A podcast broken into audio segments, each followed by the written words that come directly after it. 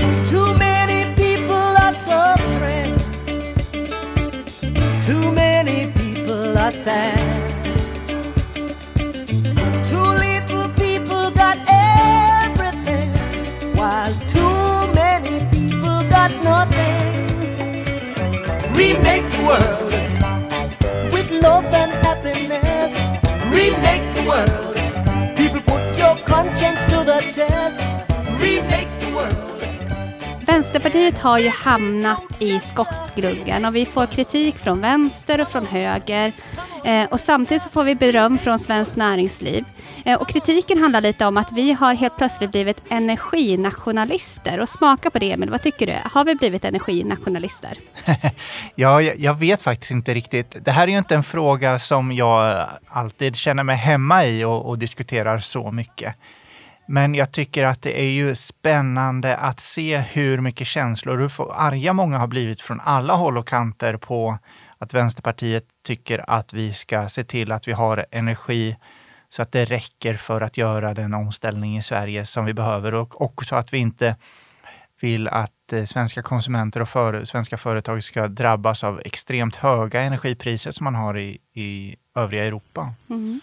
Nej, och jag är inte heller någon expert på energifrågorna, men jag kan ändå tycka att vi känns, känns lite för protektionistiska.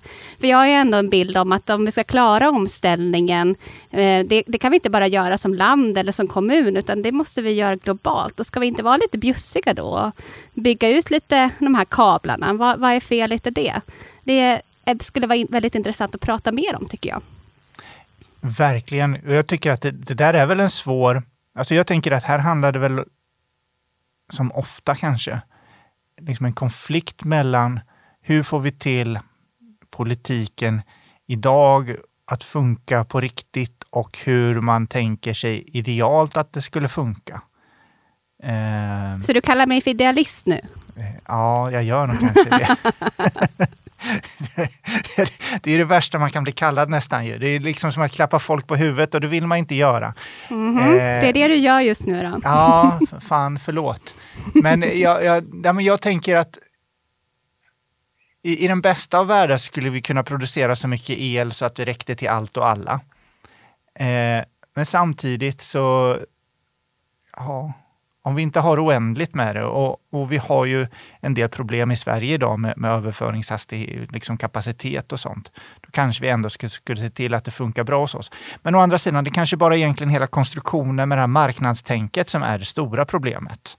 Alltså att, att vi har gjort en marknad av någonting som kanske inte borde vara en marknad. Eh, som borde kanske kontrolleras och styras på ett annat sätt. Nej, precis, att el är inte en vara som eh, ett mjölkpaket utan det är något mer, det är något livsviktigt. Verkligen, så skulle man väl kunna tänka sig. Att eh, om vi ska göra en omställning så, där vi behöver mycket el så behöver vi liksom börja jobba och lösa det. Och jag tänker att det finns ju eh, liksom, anledning att fundera ve- vem, vem ska äga och kontrollera det här? Vilken roll kan vi som kommun och regionpolitiker spela för att bidra till den här omställningen och energiproduktionen? Och det och mycket mer ska vi få prata om med Birger Lahti alldeles strax då, som är riksdagsledamot och energipolitisk talesperson för Vänsterpartiet. Precis, men jag har också kommit på en sak, Anna-Maria. Ja, Det har liksom gått oss lite åt huvudet att vi har spelat in några poddar nu. Så vi utgår från att alla bara vet vilka vi är. Ja, Vi, liksom, vi har bara slutat presentera oss. det har vi. Så, så du kan väl, eller jag kan väl presentera dig. Att du är ju Anna-Maria Romlid från Västerås, gruppledare för Vänsterpartiet där och sitter också i Vänsterpartiets SKR-grupp. Ja, det är jag. Och du är Emil Broberg från Region Östergötland, är gruppledare där och även vår gruppledare i SKR-gruppen. Det är vi och vi har ju den här podden för att vi vill prata om hur vi ska stärka och utveckla det kommunalpolitiska arbetet i Vänsterpartiet och bli en starkare kraft där. För vi tror väldigt mycket på just den delen av politiken. Yes. Men då tycker jag att vi kör igång och snackar med Birger. Ja, men då kör vi. Årets första partiledardebatt kunde ju inte sluta prata just om energikrisen. Och I december så gjorde Nooshi och Birger ett energipolitiskt utspel som mötte stor patrull både från Centerpartiet, från Reformisterna, från Miljöpartiet, S-politiker och forskare på DN Debatt. Och idag har vi med oss Birger som är riksdagsledamot och energipolitisk talesperson med oss. Och jag undrar, hade du mött räknat med att ert utspel skulle möta så här stort mothugg? Eh, kanske inte så stort som det blev, men visst, jag hade ju det i åtanke att det här kommer att stötta motstånd framför allt från de här som har tyckt att det är bra när vi exporterar fossilfri grön energi till Europa och de eh, stänger av samtidigt ehm, um, energiproduktionsslag som har fossilt i sig och många har tyckt att det är jättebra. Så det hade jag räknat med. Men att uh, inga andra partier hakar på och förstår läget, det var lite förvånande. Men är det, är det att vi bara, det här att vi skulle vara energinationalister, att vi skulle vara på samma linje som Sverigedemokraterna och så. Vad, liksom, hur ska man tolka den diskussionen? För tonläget från, från vissa blev ju, även från vänstern, blev ju väldigt, väldigt högt. Trampade ni på ömma tår någonstans eller vad? Kan det vara, men det hade jag som räknat med att eh, vi vill ju alltid vara, och vi har ju varit öppen för det, att vi vill att vi ska öppna gränser och vi ska eh, byta varor och vi ska inte vara nationalister vad gäller eh, export och import av något egentligen. Men när man tittar på samhällsviktig funktion som el är och kommer att bli än viktigare med omställningen som sker, oavsett om man tittar på industrin eller transportslagen, så blir det lite grann att ja, om vi ska klara av den här energiomställningen eller industriomställningen i norra Sverige, då måste vi i alla fall veta om att vi har en vätgasproduktion och den el som eh, gör att vi kan tillverka vätgas, den måste vara billig. Mm. Men om du utvecklar lite kring de här kablarna, för jag tror att folk som inte är så insatt i energipolitik förstår inte, men varför är vi så mycket emot de här kablarna? Är det liksom inte den avreglerade elmarknaden som är det största problemet? Eh, visst kan det vara så, men eftersom eh, EU de vill styra hela energi, eh, så att säga, hur eh, energisystemet ska hänga ihop. Och 70 procent av vår produktion ska kunna så att säga ha kontakter till andra länder. Vi ska kunna all, från eh, varje hörn var vi producerar så ska vi kunna exportera när det finns läge. Men eh, vi ser ju att det har ju funkat idag med de kablarna vi har idag så har vi redan exporterat eh, några år till och med över 20 TWh av ja, kanske lite drygt 160 TWh produktion i Sverige idag. Och då innebär det att ja, det funkar. Vi kan exportera när vi har överskott och vi har till och med importerat några korta stunder, men de, de är faktiskt få. Men det som händer i framtiden är att eh, när man tittar på europeiska, nu med utsläppshandel och eh, priset på utsläpp, de går upp. Och de pengarna stannar ju i den nationen vars utsläppshandeln sker, eller priset på utsläpp och vars man betalar in dem. De eh, hamnar i det, den nationen vars produktionslagen är smutsig, så att säga. Och då blir priset för de produktionslagen höga. Och om eh, el ska vara som vilken exportvara som helst, det är klart att om vi producerar el i Sverige för 30 eller under 30 öre per kilowattimme och man kan få eh, 50 eller något per kilowatt. Det är klart att det är um, jätteintressant för produktion, de som har produktionen i Sverige att exportera den.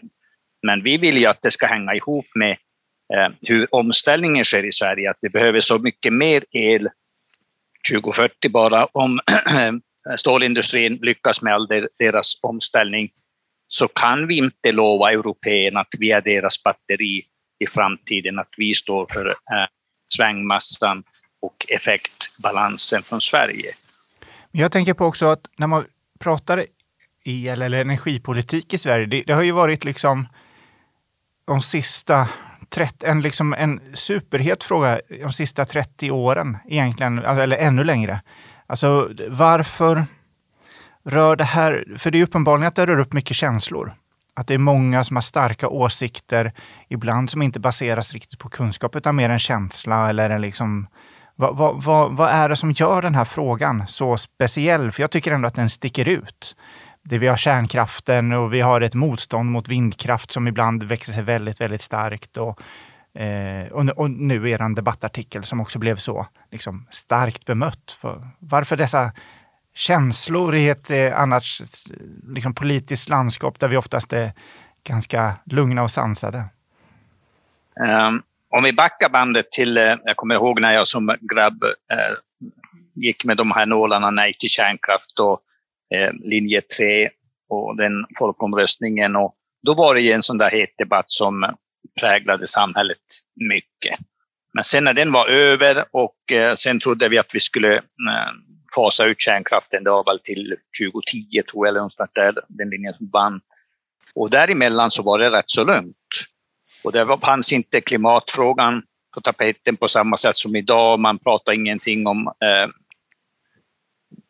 uppvärmningen och de här bitarna och det tuffade på. Men sen nu när man kommer fram till att ja, vi måste börja fasa ut eh, fossilt och det förnybara blir billigare och billigare med hjälp av faktiskt Kina och mycket andra länder, i Tyskland framför allt, som byggde ut det förnybara som har gjort att priset gått ner. Och då kommer vi igen till den här kärnkraftsfrågan, den blossar upp igen. Man har stängt reaktorer i Sverige och hur ska vi få systemet att hänga ihop? Och sen är det här priset, det var ju nog det som i Sverige när man såg hur europeiska höga elpriser smittar av oss till Sverige. Och vi i norra Sverige som Ehm, Framför framförallt i prisområde 1 och 2, vi har ju haft eh, låga elpriser. När vi, även vi började känna av dem att de smittar, då blev den här, precis som Emil är inne på, att det blev känslor.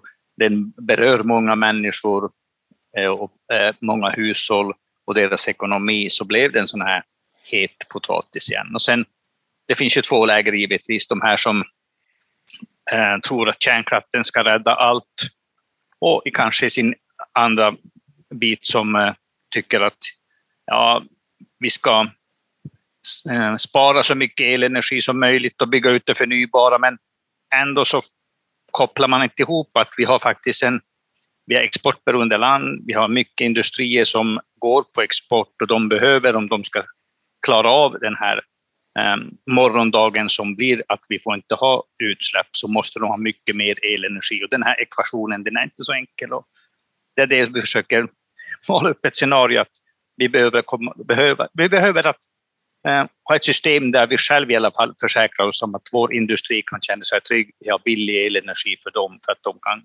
göra omställning. Men de då som känner att ja, men nu viker Vänsterpartiet ner sig i klimatpolitiken för att anpassa sig för industrin och, och det här just det här du är inne på, det finns den här strömningen som säger vi, vi, vi måste minska vår energianvändning, vi måste minska vårt klimatavtryck. Eh, att, fin, finns det en motsättning där eller handlar det bara om, eller är energi på ett sätt, eh, är, eh, man säger, hållbart energi, eh, hållbart producerad energi, är den helt oproblematisk?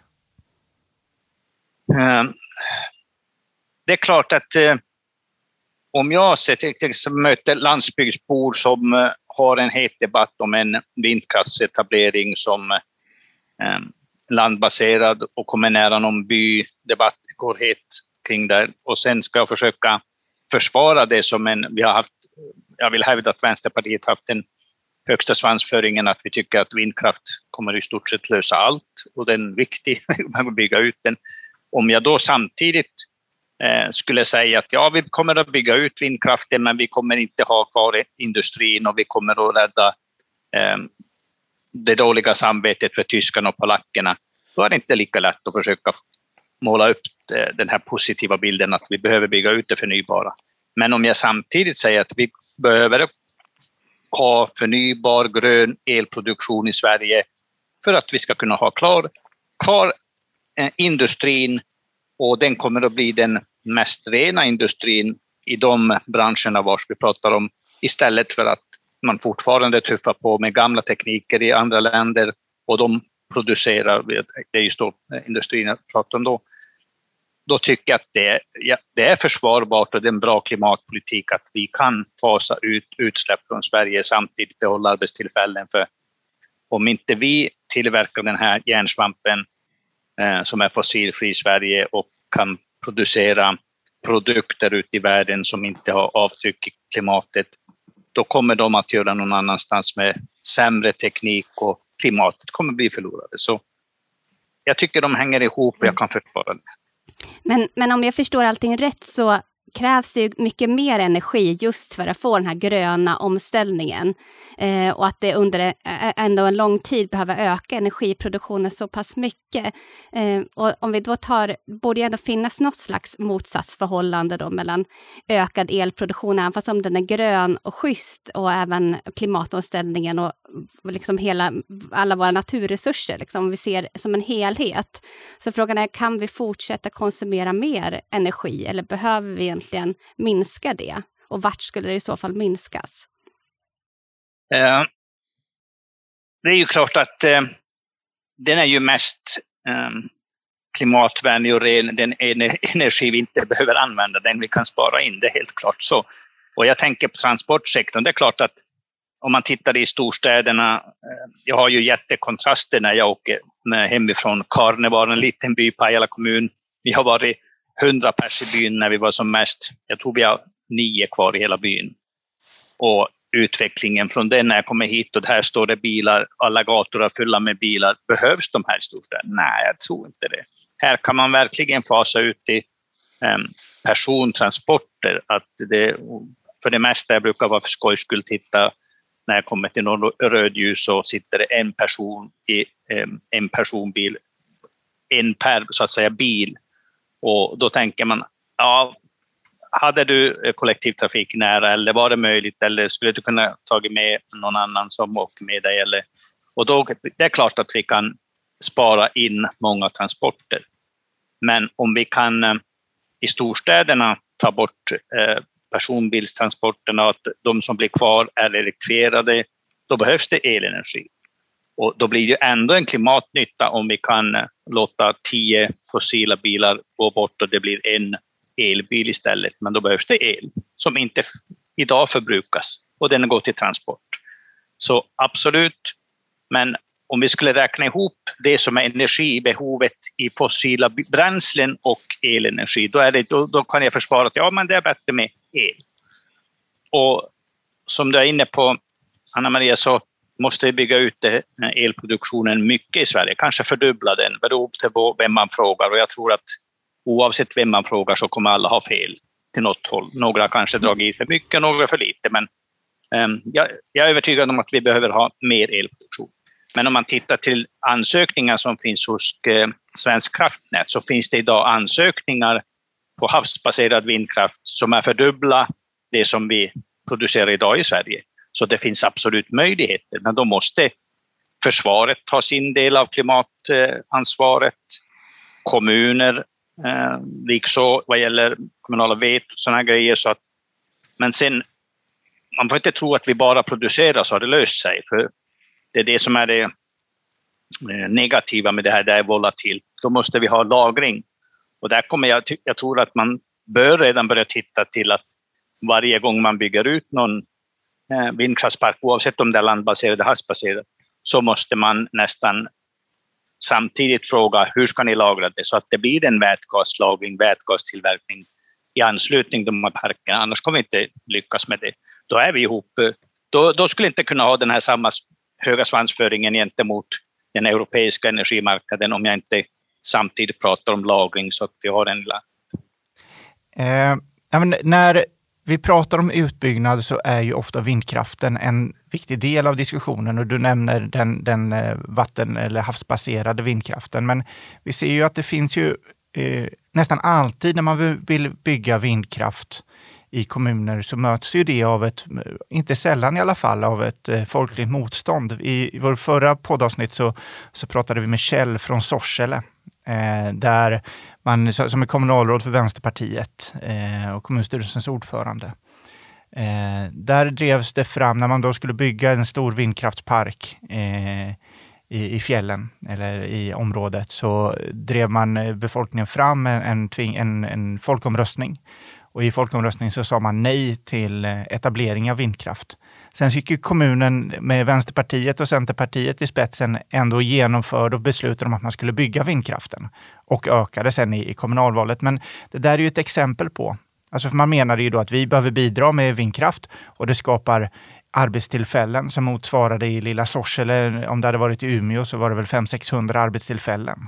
Så att det, det, hade en stor betydelse. Men, men det som Kjell menade lite var ett, kanske ett av problemen är att befolkningen i Sorsele kanske hade svårt att se till vilken nytta ska vi bygga enorma vindkraftverk i våran natur som vi inte drar någon större nytta av, förutom de här eh, arbetstillfällena som blir. Pengarna försvinner ju både till staten och till, till de stora bolagen.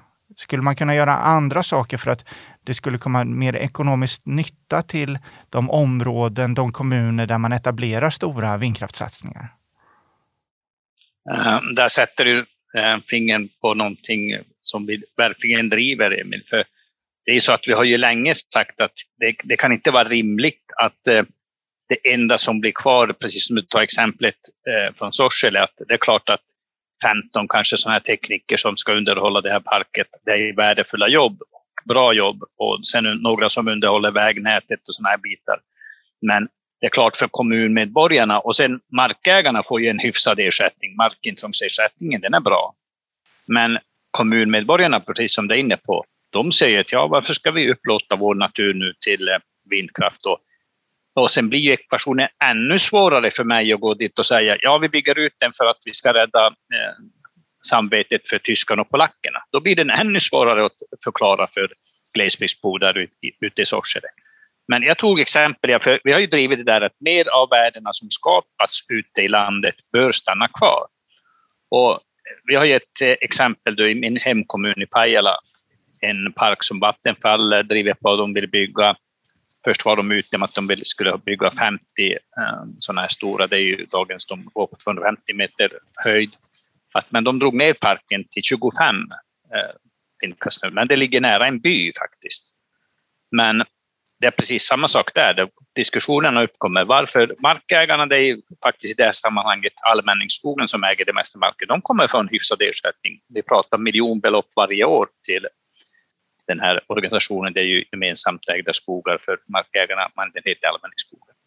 De kommer få en bra ersättning, men kommunmedborgarna ser ju inte mycket. Då tog jag ett räkneexempel på hur mycket de här 250 meters höga, eh, oavsett om det är 4 eller 6 megawatt snurror, hur mycket de producerar per år, och de här 25 snurrorna. Om de skulle eh, avsätta ett öre per kilowattimme som blir kvar i kommunen, så skulle det handla om över 5 miljoner till Pajala kommun och 5 miljoner till Pajala kommun, då skulle man kunna berätta att ja, nu driver vi två förskoleavdelningar eh, eller någonting med de här pengarna. Då skulle det vara mycket lättare för kommunmedborgarna. Det blir någonting kvar. Men jag håller med det som Emil berättar och exemplet att det är ju inte, det är inte som eh, färdig, så att säga, uppskalat den här Ehm, projekt som pågår om man inte kan visa på att något annat blir kvar än de här teknikerna som kommer underhålla och markägare sätt. Sen finns det en ersättning som man kallar bygdepeng som är frivillig och den har vi drivit på. Den borde också vara lagreglerad. Men mer av värdena definitivt bör stanna kvar. Mm. Den här ersättningsmodellen tycker jag låter jättespännande och jag tror att det, precis som du säger Birger, kan ge ett stort mervärde. Men det vi också ser är ju många kommuner som faktiskt vill bygga vindkraft eller andra delar, eller, ut, eller köper vattenkraft eller så i andra kommuner och så. Eh, och helst när man kanske är lite trångbodda i kommunerna och det är ju också ett problem tycker jag, helst när vi jag tänker, Sverige är stort, men när man, man, när man då ska göra det här så tittar man norrut där det kanske finns lite mera plats, lite mer rymd, att få plats med det. Och det tror jag också kan vara väldigt svårt att, ja men antingen som Sorselebo eller Åsele eller Vind, alltså vart du än är ifrån, att, att en annan kommun kommer in på våra mark och ska bygga energi för att täcka upp för resten av Sverige. Och det är väl en sån här kamp och konflikt som har funnits länge. Eh, vad, tro, vad tycker du om det? Ja, men det är ju lite grann samma sak, diskussionen som eh, pågår. Att jag har, eh, det finns exempel på var man har målat upp att ja, det är något tysk företag som kommer investera här. Och man är kritisk till varför ska vi låta utländska investerare komma hit och tjäna pengar på elproduktion i Sverige. Och jag håller med om att det är det som har blivit, så att säga. Det har blivit en marknad vilket som helst och sen efter två, tre år så säljer tyskarna den till kineserna. Och det är väl ingen sån där jättehit att försöka övertyga landsbygdsbor att jag upplåter era natur nu så kommer kineserna hit och investerar. Och det kanske inte, det blir så att säga värre än det här exemplet som du tar Anna-Maria, att det är från grannkommunen och de driver på hårt att här ska vi, men NIMBY-effekten finns överallt och då finns ju även vad gäller havsbaserad och där tycker jag den blir än märkligare när ehm, havsbaserade parker så långt ute till havs att man ser den inte nästan från land och man säger nej till även till det. Och samtidigt så ska jag försöka övertyga eh, kommuner i landet att säga ja till en landbaserad vars den är kanske en kilometer från bebyggelse. Då blir det lite svårt och, och den blir bara mer svår om vi inte driver på en politik som säger att ja, nu gör vi det här för svenska arbetstillfällen, att vi kan göra det bästa för klimatet som har en effekt givetvis globalt, men um, den skulle bli än svårare om vi skulle bara säga att det är en exportvara som vilken som helst och vi ska nu eh, exportera fossilfri eller grön energi från Sverige till Europa med hjälp av de nya kablarna. Då blir det än svårare för mig att försöka övertyga landet. Men jag, jag tänker du är inne här på via tyska bolag som kanske kommer in och etablerar sig och så säljer man vidare. Kommer vi in på frågan om ägande.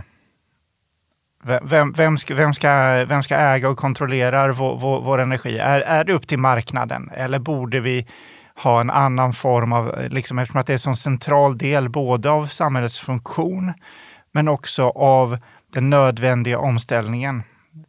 Ska vi ha fritt privat ägande inom det här området? Eller behöver vi reglera det på något sätt? Eller, eller är det bara att vi vill att kommunerna och staten ska ta lite större ansvar på den liksom, konkurrerande marknaden? Eller kan, kan de privata lösa det här? Så länge det, marknaden ser ut som den gör idag, att eh, vi är på väg till att eh, en marknad vars priset sätts Eh, på den som är sist i kön på varje dag, som eh, den marginalprissättningen, så kommer ju privata investerare eh, glädjeligen investera. Men det är klart, ett drömscenario vore givetvis som Vänsterpartiet säger att det är klart att en samhällsviktig funktion som elproduktion och distribution och all nät, den borde ju vara samhällsägd, helt klart. Och vi har ju börjat titta på hur skulle man kunna ge mer incitament till regioner att de ska äga i alla fall region, mer av regionnäten och vara samhällsägt och produktion är samma sak. Det är klart, ett drömscenario vore givetvis att eh, det ska vara samhällsägt. Eh, nej, men när vi pratar om, om eh, samhällsägd energiproduktion så, så eh, det är väl som du säger Birger, att det, det, det är svårt att i, i, i dagsläget socialisera allting. Men om vi skulle tänka oss ett scenario där vi som Vänsterpartiet skulle kunna arbeta för en politik där vi ökar andelen samhällsägd eh, energiproduktion. Vilken roll skulle till exempel kommunerna kunna spela i ett sådant arbete eh, för att bidra till både ökad e- energiproduktion men också ökad samhällsägd energiproduktion? Helt klart är det ju så att de verktygen finns idag. Om vi, har, vi leker med tanken någon kommun som har ett värmeverk, de äger den. Ehm, nu är det inte så många som är helägda av kommunerna. Förr var det ju Vattenfall och sen försökte de bli av med den och sen kommer in andra ägare. Men vi leker med tanken att vi har ett värmeverk vars kommunen är helägd. Och det är ju en bra affär att om man har riskkapital och man har utrymme till det att investera i elproduktion. Vi ser bara hur solceller eh, de växer och man kan nu idag ha större parker vars man har eh, gynnsamma skatteregler jämfört med bara några år tillbaks. Och vindkraftsproduktion, att det skulle inte vara omöjligt att en kommun via deras bolag äger faktiskt produktionsbolagen. Och vi har ju tittat lite grann i budgetprocessen att vi har avlagt, avlagt pengar på att ehm, regionerna ska kunna ehm, vara självförsörjande på sina egna fastigheter på elproduktion. Och de där, om man eh, skulle vara lite kreativ, det är klart de verktygen finns. Och jag tror att det skulle vara bra signal om vi någonstans skulle ha bra exempel på var kommunerna investerar i elproduktion och de kan visa på kalkylen, att det var inte någon dålig affär att investera i elproduktion. Men idag så är det ju stora bolag med mycket pengar som kommer in och jätteprojekt för att eh, de ska kunna ro hem eh, vinsterna så att eh, de kan investera stora summor. Och jag har ju sett att det är inte så små projekt som man till exempel, jag eh, har tittat på ett exempel, när Nederländerna, Vattenfall byggde sex stycken vindkraftsnurror i Nederländerna, sex stycken, med, kombinerat med solpanel. Och jag tror det var lite lagring också. Så var det jättestora rubriker i Nederländerna hur Vattenfall investerade sex stycken sådana här vindkraftsnurror. Och i markbygden så investerar man med likadana vindkraftsnurror, 1100 likadana vindkraftsnurror. Ni förstår skillnaden. Men i Nederländerna var det tätt befolkat, precis som Anna-Maria var inne på hur stor skillnaden är, var det tätt befolkat och glesbefolkat, hur, eh, hur olika eh, förutsättningarna finns. Så det säger ju mycket att om det blir stora rubriker i Nederländerna för sex stycken vindkraftsnurror, vad är det som säger att det inte ska vara intressant för någon kommun att lägga upp sex stycken vindkraftsnurror på ett lämpligt ställe vars de själv äger hela produktionen och distributionen till sig Mm. Jag tänker, här i Västerås så äger vi vårt egna bo bolag med energi. Eh, och jag har alltid tyckt att ja, men det är jättebra att vi har det kommunalt, det här, vi vet hur elen produceras och sådär. Men samtidigt den här veckan så har vi sett hur många artiklar som helst om de skyhöga elpriserna, även där det är kommunalägt el. Och som för en väljare eller en vanlig västeråsare så är det också väldigt svårt att förstå. Här har vi liksom möjlighet, vi har vårt egna bolag, vi försörjer oss själva med el, men samtidigt så får jag så här kolossalt mycket större elräkning just nu. Eh, och jag tror, hur kan vi enkelt förklara hur sambanden håller ihop? För det är ju det där med, med den avreglerade marknaden och den delningen. Men hur kan vi enkelt få folk att förstå varför det ändå är viktigt att vi själva har eh, kommunala energibolag? Men det det som är så att säga för svenska elsystemet ser ut att det är Svensk kraftnät som måste hålla den här eh, i transmissionsledningar, det är de här stora ledningarna genom Sverige, de ska hålla de här 50 hertz. Och när de börjar plocka ihop så att vi får efterfrågan och tillgång, att de går ihop, de börjar den billigaste givetvis. Och sen i slutändan, och det som hände då när de här trissades upp priserna, det var ju att eh, de tre största älvarna i norra Sverige då, Luleälven, Skellefteälven och Umeälven, de hade isläggning samtidigt. Och det händer sällan. Jag vet inte om det har hänt någon gång tidigare. Det är inget ovanligt att vattenkraften drar ner på sin produktion när isläggningar på magasinen börjar, för de vill man att istäcket ska hinna lägga sig innan man sen drar på för fullt, för annars blir det en dålig isläggning, man får inte isklampar eh, i eh, turbin och allt sånt här. Men det som hände att det var samtidigt, det gjorde att alla tre eh, systemen, älvsystemen var tvungna att dra ner på sin produktion för att isen ska kunna läggas. Sen när den har lagt sig så kan de köra sen fullt, för då följer den med som ett täck. Och det som gjorde då de här dagarna i november att det hände samtidigt. Och sen i den här pusselbiten som Svensk Kraftnät ska se till, då var det till slutändan eh, ingen produktion i Sverige som kunde upprätthålla den här 50 Hz. Och då tog man till, nu är jag osäker på vad det var som var sista pusselbiten i systemet, men jag för mig att det var tysk kolkraft som man sen nästa bit. Och den var dyr givetvis. Och då är det det priset, den här marginalprissättningen, som sätter pris nästa morgon på Nordpol. Mm.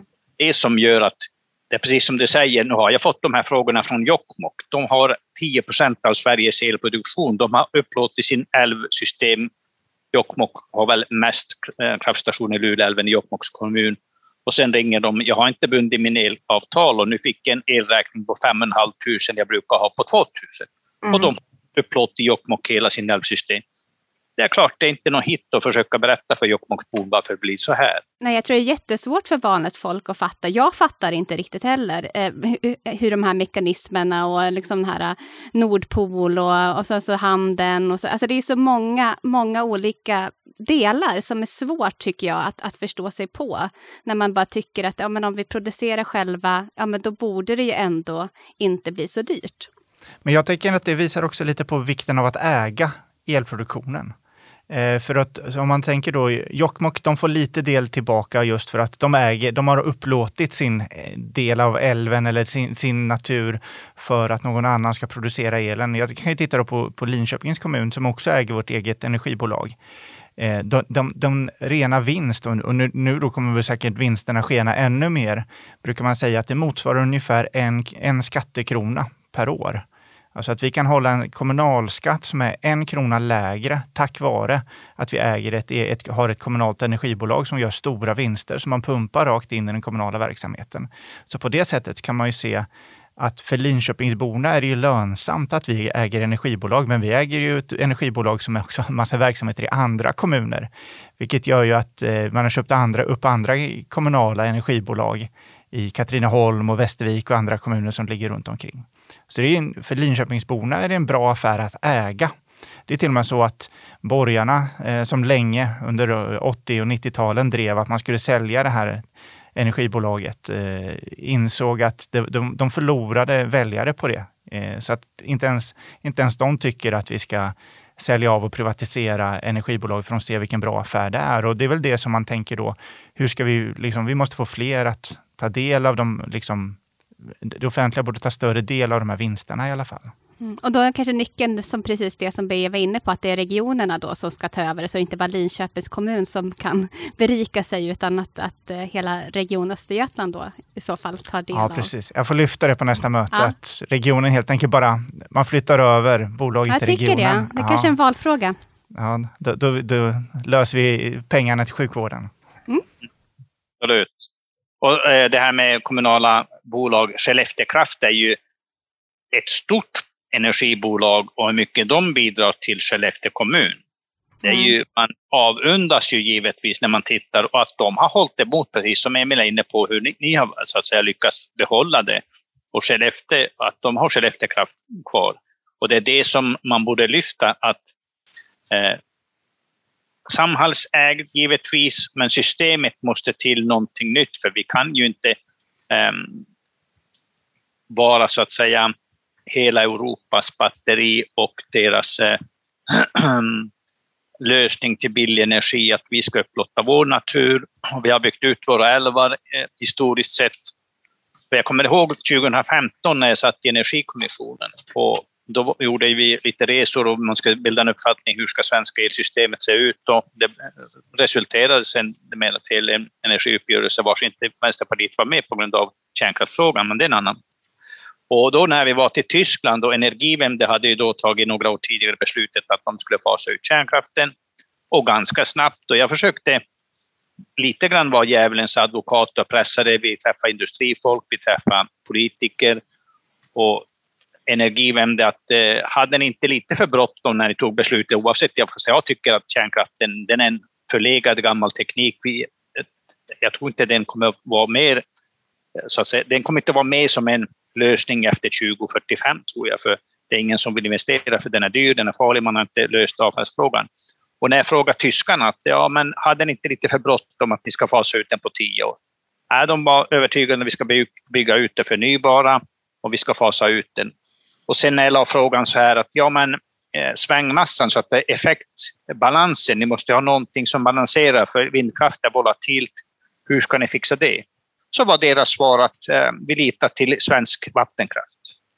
Eh, en, en het fråga som ofta är uppe i, i diskussionen, eh, både i statliga utredningar och i eh, SKR där, där, där jag och Anna-Maria sitter, handlar ju om det, om det kommunala vetot eh, och möjligheten att säga nej till, till investeringar av till exempel vindkraft. Va, va, är det rimligt att kommunerna ska säga, kunna, att kunna lägga in ett veto? kommunala vetot kom ju till då när vindkraftsetableringar började bli mer eh, vanligt, det blev större projekt, för den har inte funnits alltid, kommunala vetot, för eh, etableringar som typ energiproduktion, men då kom den till. Och, eh, jag inser ju idag, fast Vänsterpartiet har drivit på, att eh, det är en nationell angelägenhet, elproduktion, det är ingen eh, lokal fråga egentligen.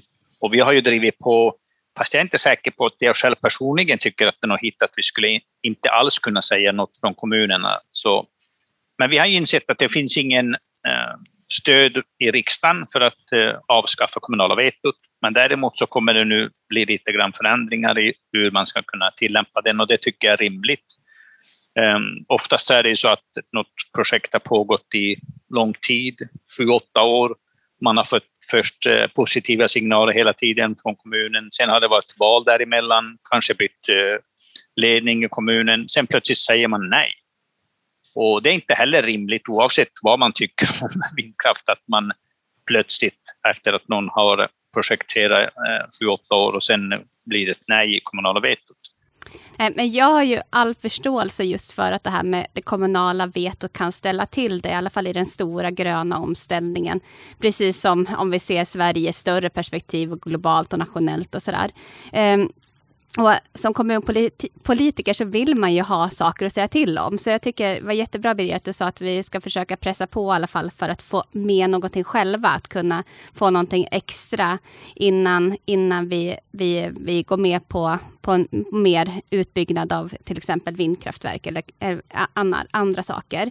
Men förutom det då, vad är, vilket är ditt bästa råd då till oss kommun och regionpolitiker eh, just när vi pratar energipolitiken? Vad är det vi ska tänka på? Nej, men det, det är klart att eh, någonstans kanske det blir en avvägning att det är andra värden som är mer värdefulla.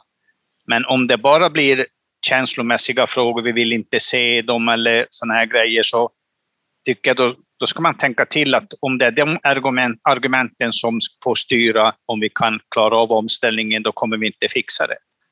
Och ju mer vi har positiva exempel på eh, att här säger vi ja, vi, vi tar ansvar för att eh, vi ska klara av omställningen. Klimatfrågan är en av de viktigaste frågorna vi har idag, så kanske det spär på. Men det blir jättesvårt för mig generellt säga så här ska ni agera, för kommunerna ser olika ut och det finns olika branscher som eh, är olika stora.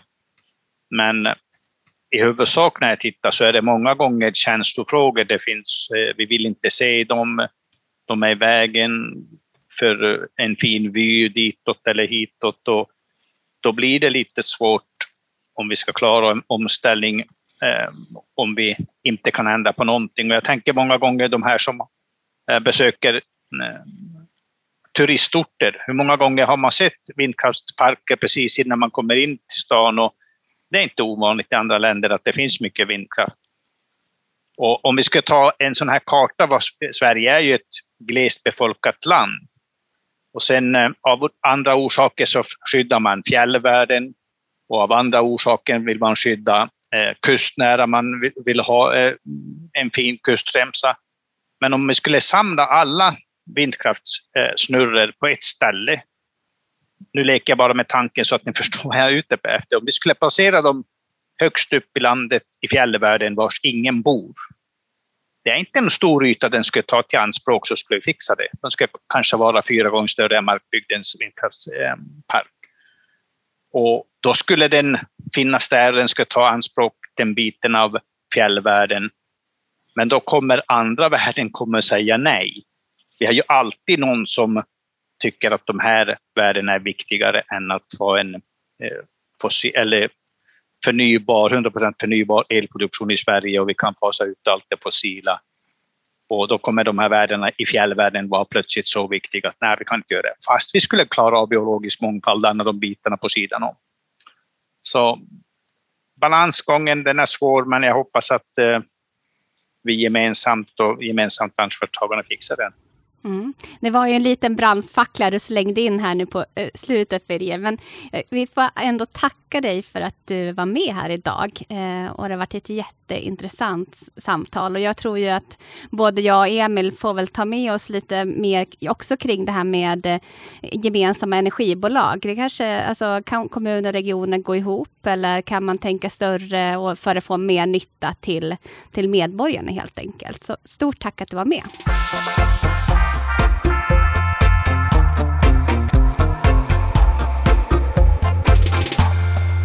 Ja, men Anna Maria, att, att prata med, med Birger tycker jag var jätteintressant och sätter ju, sätter ju många liksom av dels frågetecknen som vi hade i, när vi började och, och fundera och prata om det här i, i början av det här programmet som handlade om, liksom, om vi var energinationalister eller globalister eller så. Jag tyckte att eh, Birger hade många bra tankar och funderingar kring det.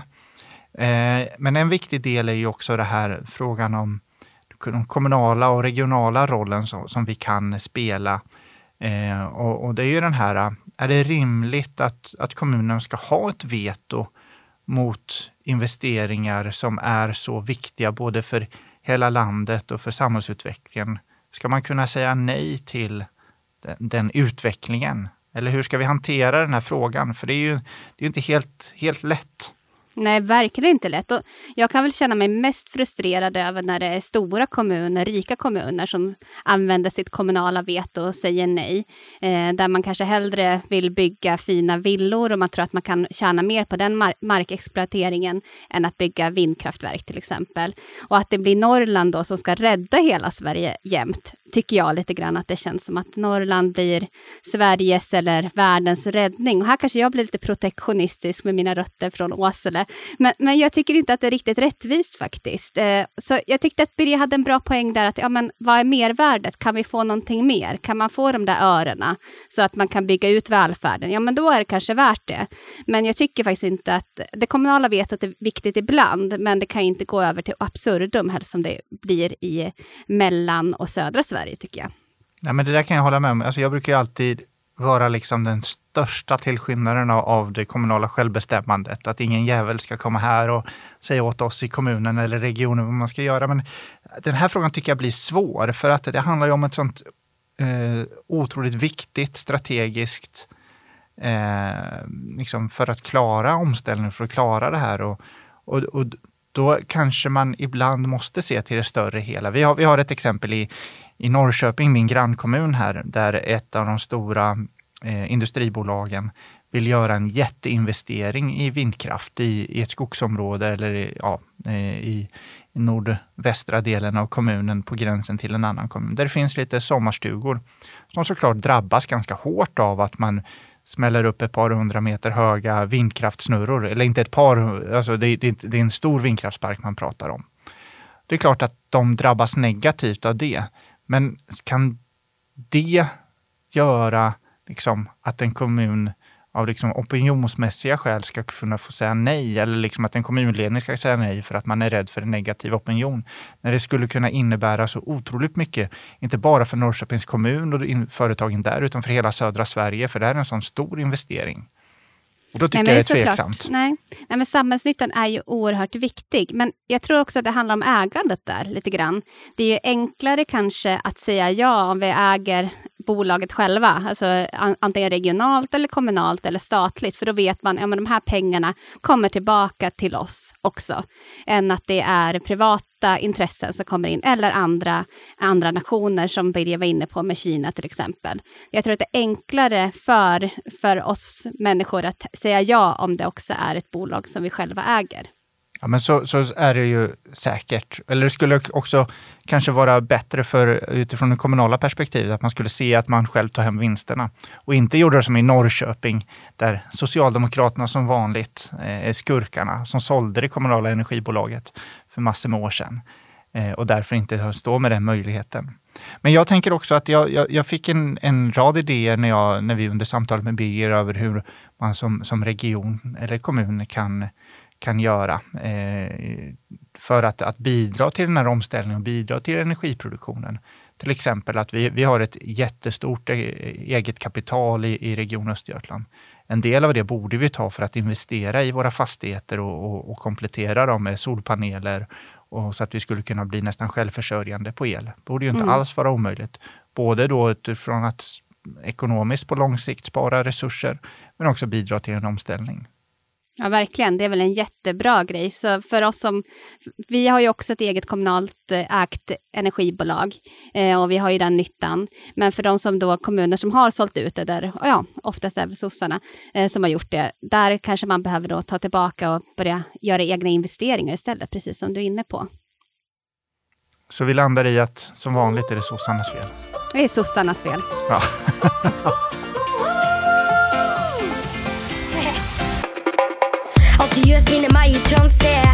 jag känner kroppen dansa, Det är inte bara bare det. Känner gnistor det går emot mig.